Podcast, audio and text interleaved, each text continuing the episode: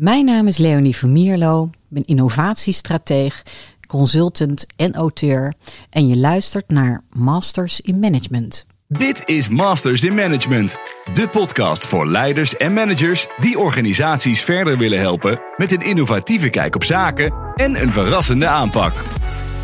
Deze podcast wordt je aangeboden door Skillstown, de online opleider voor professionals. Welkom bij deze aflevering van Masters in Management. Ik ben Peter van der Hout en bij mij zit uh, aan de podcast uh, tafel Leonie van Mierlo. Schrijver, spreker, coach, adviseur en expert op het gebied van innovatie en leiderschap in organisaties. Uh, welkom Leonie. Hallo. We gaan het in deze podcast hebben over diversiteit, inclusiviteit, nieuw leiderschap en vrouwen aan de top in organisaties. Maar eerst even in het kort, uh, Leonie, uh, als je jouw kijk op management en leiderschap in het algemeen zou kunnen omschrijven in binnen één minuut? Binnen één minuut, dat is een uh, hele mooie. Ja. leiderschap gaat, wat mij betreft, over niet de juiste antwoorden geven, de juiste vragen stellen. Mm -hmm. Uh, bedenken wat is er nodig om deze organisatie ergens op een stip op de horizon uh, daar naartoe te begeleiden. En vervolgens vanaf dat moment eigenlijk een stap achteruit uh, doen en je mensen zo min mogelijk in de weg zitten. Oké, okay, hele, hele duidelijke, scherpe omschrijving. Hartstikke goed. En als we dan even inzoomen, wat is dan volgens jou het verschil tussen een leider en een manager? Een leider die agendeert uh, en een manager die reageert. En wat we nodig hebben in een timeframe waarbij de uitdagingen voor organisaties steeds groter worden, is dat er mensen komen die vooruit kunnen kijken, zien wat er aankomt en vervolgens gaan agenderen en durven op te staan voor de dingen die er echt toe doen. Oké. Okay en echt een duidelijke agenda daarvoor zetten dus. Zeker, uh, want uh, de uh, organisaties worden zich steeds meer bewust dat ze met hun activiteiten impact hebben op mens en milieu. dus als ik kijk naar de organisatie van de toekomst, dan benoem ik drie belangrijke factoren waar ze mee te maken mm -hmm. hebben. Dat is de purpose economy, dat is eigenlijk de verdergaande trap van duurzaamheid. Het tweede is de vierde industriële revolutie, waar veel organisaties nog worstelen met digitalisering. Zou je eigenlijk al bezig moeten zijn met artificial intelligence. En de derde is de battle for talent. Uh, er is gewoon nu al een tekort aan goede mensen.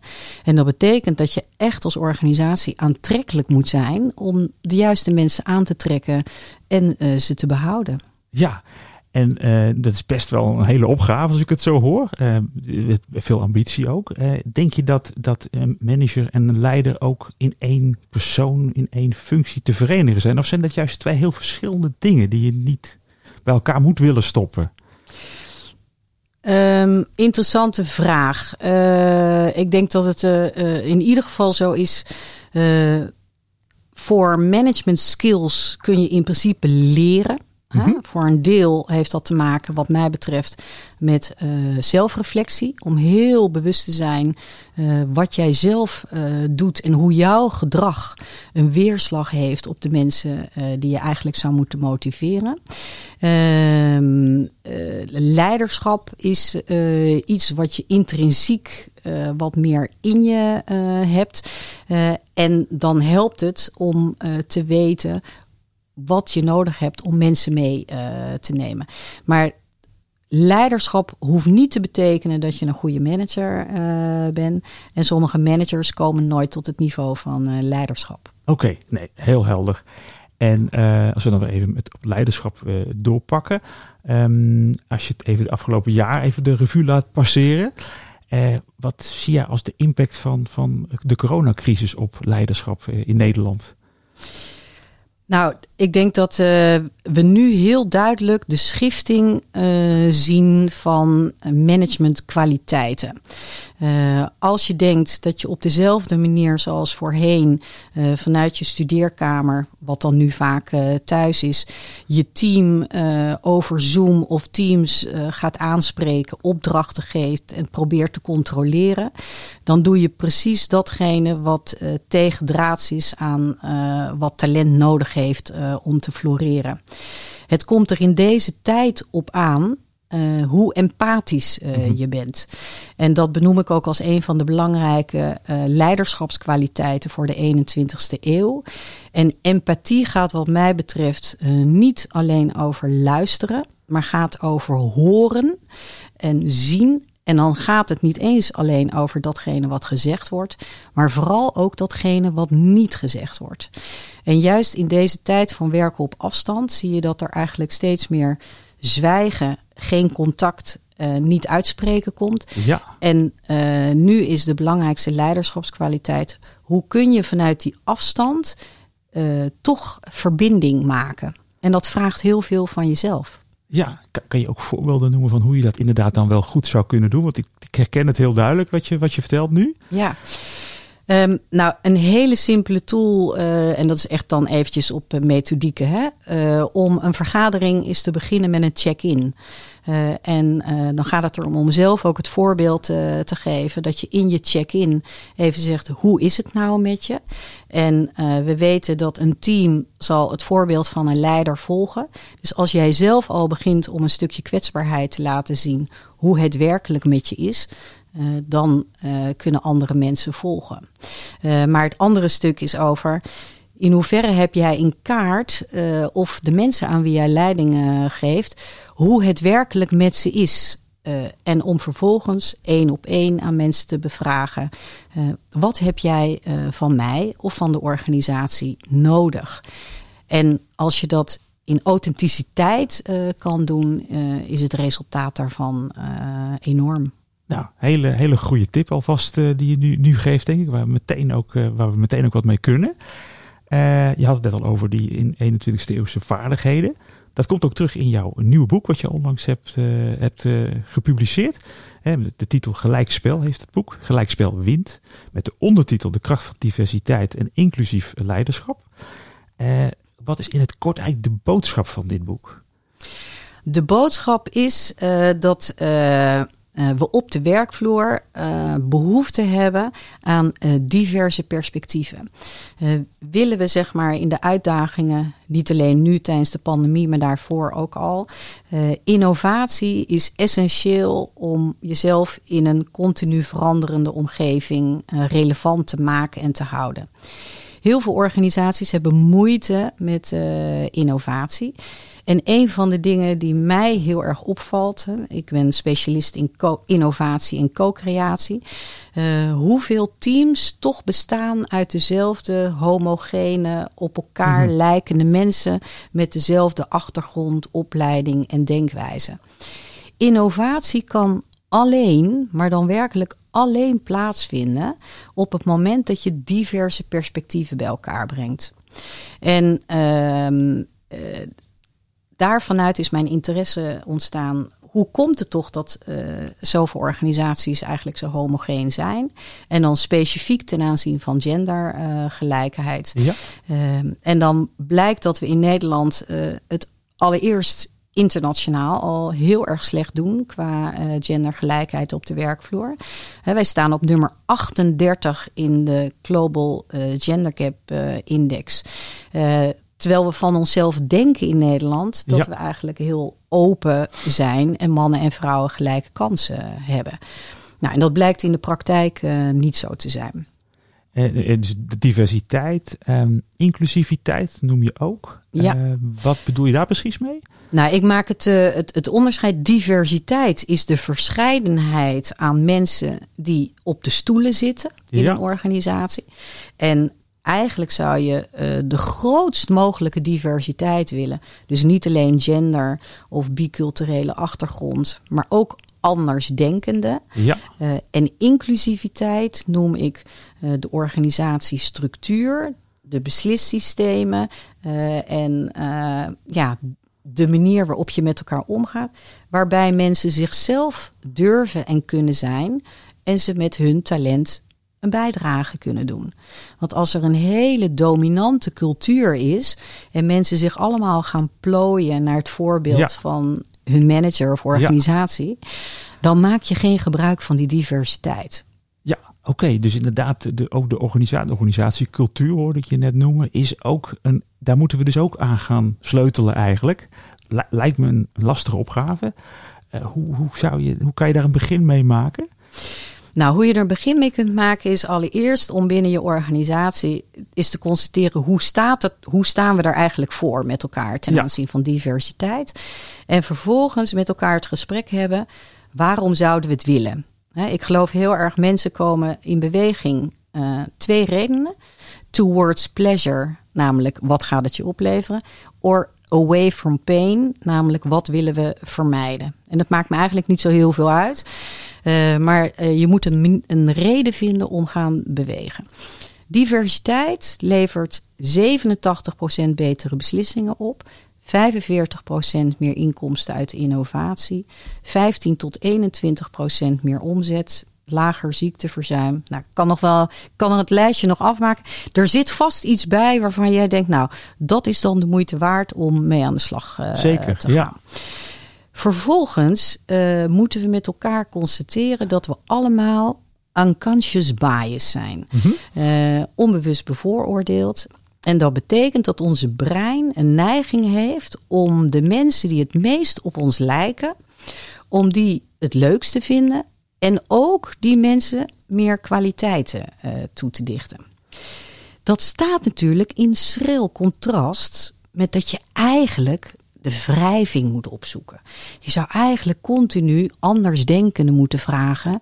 Hoe denk jij nou dat we dit probleem zouden moeten oplossen? Ja.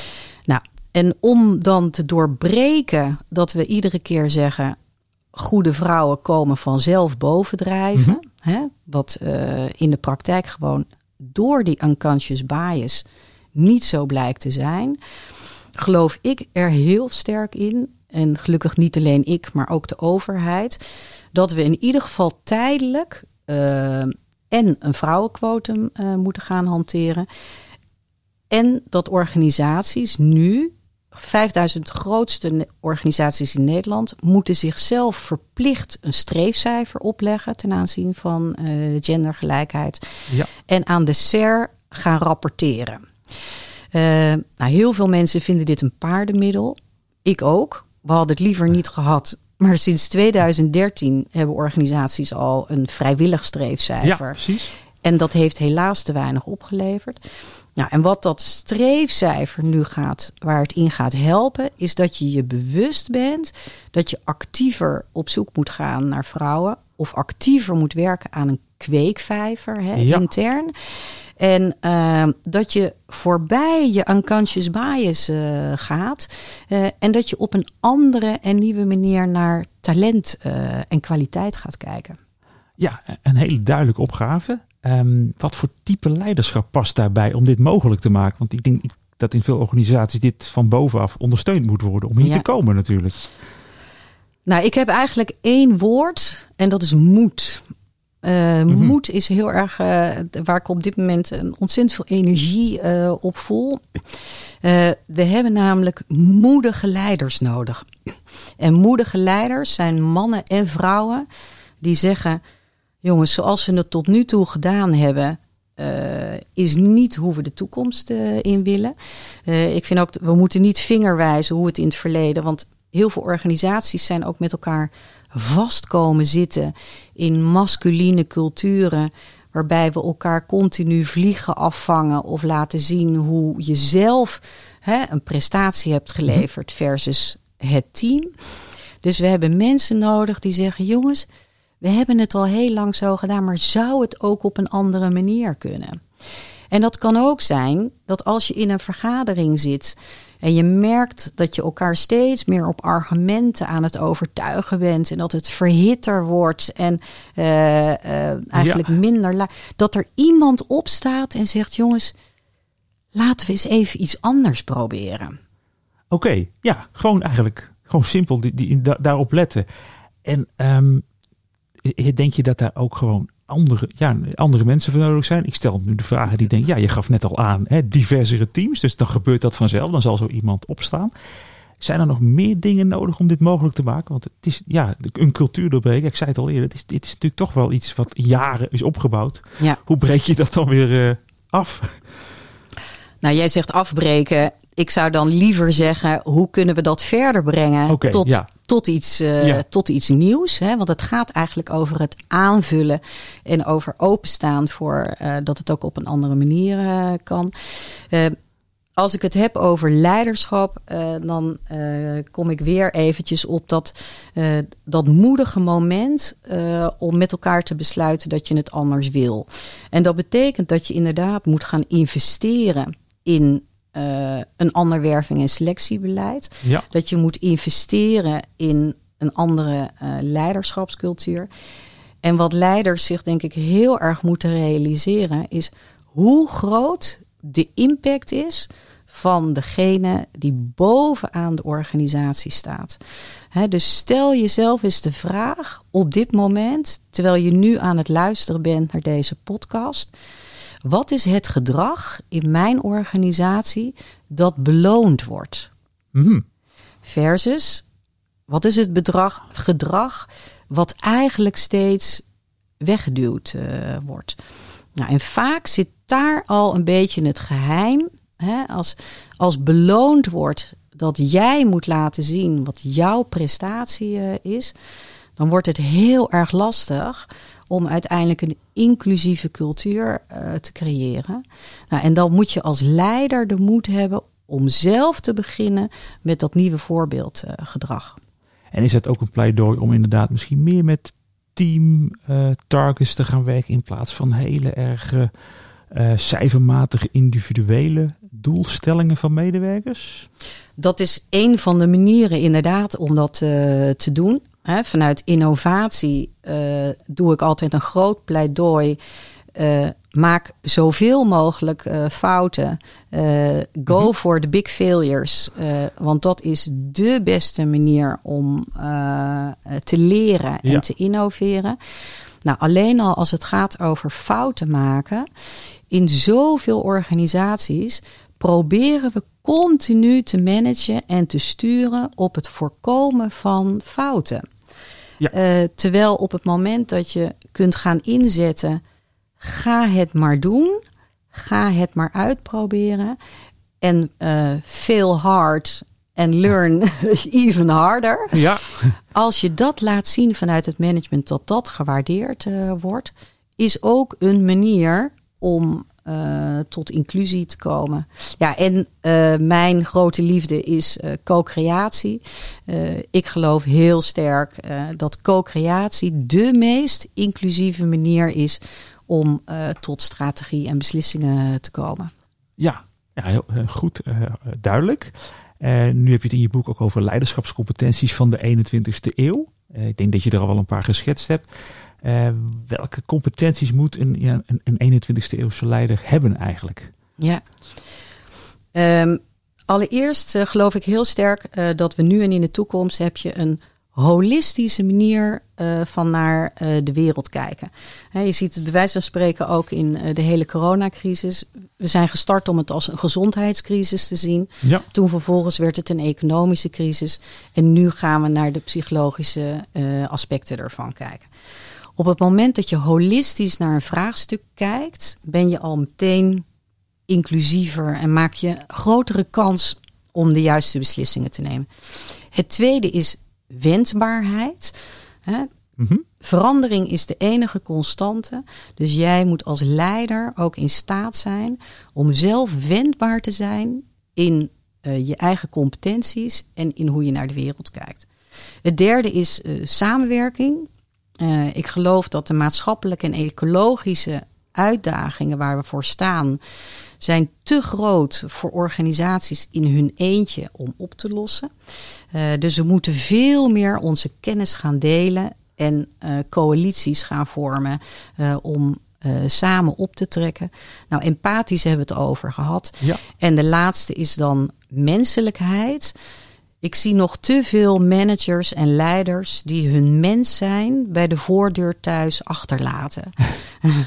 en uh, de grote uitdaging is denk ik uh, om dat mee te nemen uh, naar het werk. En er ook niet voor te schuwen om daarin een stuk van je mens zijn te laten zien. Nou, en als je daarin dan een stukje zelfreflectie kunt hebben over ook waar je zelf als mens vandaan Mhm. komt. Hè?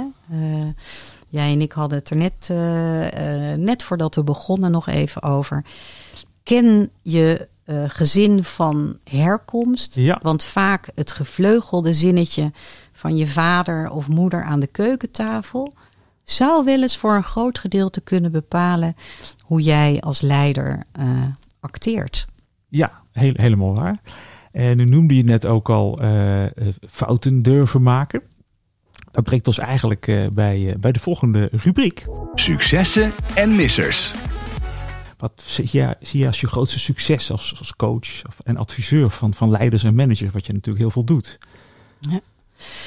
Nou, mijn grootste uh, successen zijn uh, de momenten uh, dat ik leiders kan spiegelen op datgene wat ik zie en hoor. Ehm, en dat wordt dan in mijn geval vaak gelardeerd met ik, heb een heel groot invoelend vermogen. En ik heb daar heel lang in mijn carrière heb ik daar niks mee gedaan. Uh, omdat er niet een omgeving was waarin dat uh, ja, een plek kon krijgen. Hmm. En ik merk dat ik nu als coach uh, enorm gewaardeerd word als ik na tien minuten gesprek dat ik kan zeggen: Goh, Peter, we zitten nu te praten. En wat ik eigenlijk de hele tijd, wat er bij me opkomt, is dit en dit. Kun je daar, klopt dat? Nou, en vaak zit dat volledig in de sweet spot van waar iemand zijn uitdaging heeft uh, zitten. Nou, en het feit dat ik dat talent zeg maar naar iemand persoonlijk of naar de business kan brengen, ja, dat, dat is voor mij mijn grootste uh, succes. Um, en dan komt waarschijnlijk ook nog de vraag. Ja, ja. de grootste misser. Ja, de grootste misser. nou, de grootste misser die ik gemaakt heb is. Uh, ik ben jarenlang uh, manager bij de KLM uh, geweest. En heb na 9-11. ik was toen verantwoordelijk voor crisiscommunicatie. Is natuurlijk drama voor de mensheid. Ja. Voor mij persoonlijk was dat professioneel gezien het meest interessante wat ik ooit gedaan heb. Maar het had ook iets met me gedaan. En ik zocht naar meer zingeving. En ik heb toen de dramatische carrière stap uh, gemaakt om manager te worden van 60 clowns. Uh, oh.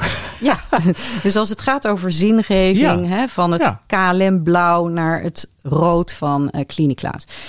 En ik was eigenlijk binnengehaald uh, om een reorganisatie in te zetten. En waar ik tot op de dag van vandaag spijt van heb, is dat ik heel erg in mijn rationele kant uh, ben blijven zitten. Hè? Ook omdat dat de opdracht uh, was. En dat ik eigenlijk onvoldoende van mijn hoofd in mijn hart uh, ben gezakt. Om met clowns, en clowns, dat is een heel bijzonder beroep met enorme fijn. Als jij het talent moet hebben om vanaf de deur al te voelen hoe een ziek kind die in een bed ligt, hoe het met hem of haar gaat. Nou, en met die fijngevoeligheid ben ik uh, onvoldoende willen zien. Uh, en daarin ben ik uh, gewoon niet succesvol op dat stukje geweest voor de organisatie. En ja, heb ik misschien ook een aantal clowns ooit echt persoonlijke. Dus bij deze, mocht je luisteren, sorry. Ja, ja, ja. En, maar ook tegelijkertijd inderdaad ook heel leerzaam wat je zegt. Je hebt, daar neem je wel heel veel van mee voor, voor het vervolg natuurlijk. Ja, het is, helaas is het zo dat ook hierin geldt voor mij. Uh, dit is zeg maar de grootste les geweest. En ik heb mezelf Ja. beloofd dat mijn hart uh, altijd meegaat in welke business uh, ik dan ook doe. Precies. Uh, misschien kan je ook voorbeelden noemen trouwens van, van ja, voorbeelden voor jou, leiders zeg maar, die jij ziet als grote voorbeelden. Um, nou, ik, ik ga dan toch weer uh, terug naar het woord moed. Uh, dus voor mij is Fijke Siebesma van DSM, mm-hmm. vind ik echt een toonbeeld van leiderschap. Die heeft en op het gebied van duurzaamheid, maar ook op het gebied van diversiteit, enorme beslissingen en, en echt andere routes durven ingaan.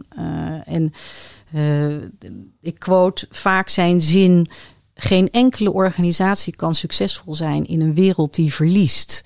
Nou, en dat vind ik zo'n groot uh, gedachtegoed. Dat je je bewust bent dat je een verantwoordelijkheid als organisatie hebt naar je omgeving. Um, en verder, uh, een vrouw uh, Sigrid Kaag. Ja. Daar heb ik heel veel bewondering uh, voor. Ik heb haar geïnterviewd voor mijn boek. Zij heeft ook het eerste exemplaar aangenomen. En in mijn interview vroeg ik haar ook, het, nou, ruim voor de verkiezingen, Sigrid, zijn we in Nederland al, al toe aan een vrouw als uh, premier?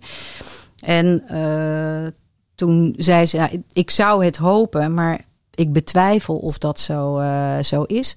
Maar toen zei ze, Hillary Clinton heeft uiteindelijk ook een pad geplaveid waar Kamala Harris uiteindelijk zeg maar uh, de shine in heeft uh, kunnen pakken. Dus en zelfs dat vind ik leiderschap dat je kunt zien dat jij misschien degene bent die iets opent waar vervolgens uh, een ander dan in kan stappen. Ja, dus denk je wat dat betreft dat we wel op een soort van omslagpunt zitten op dat, in dat opzicht?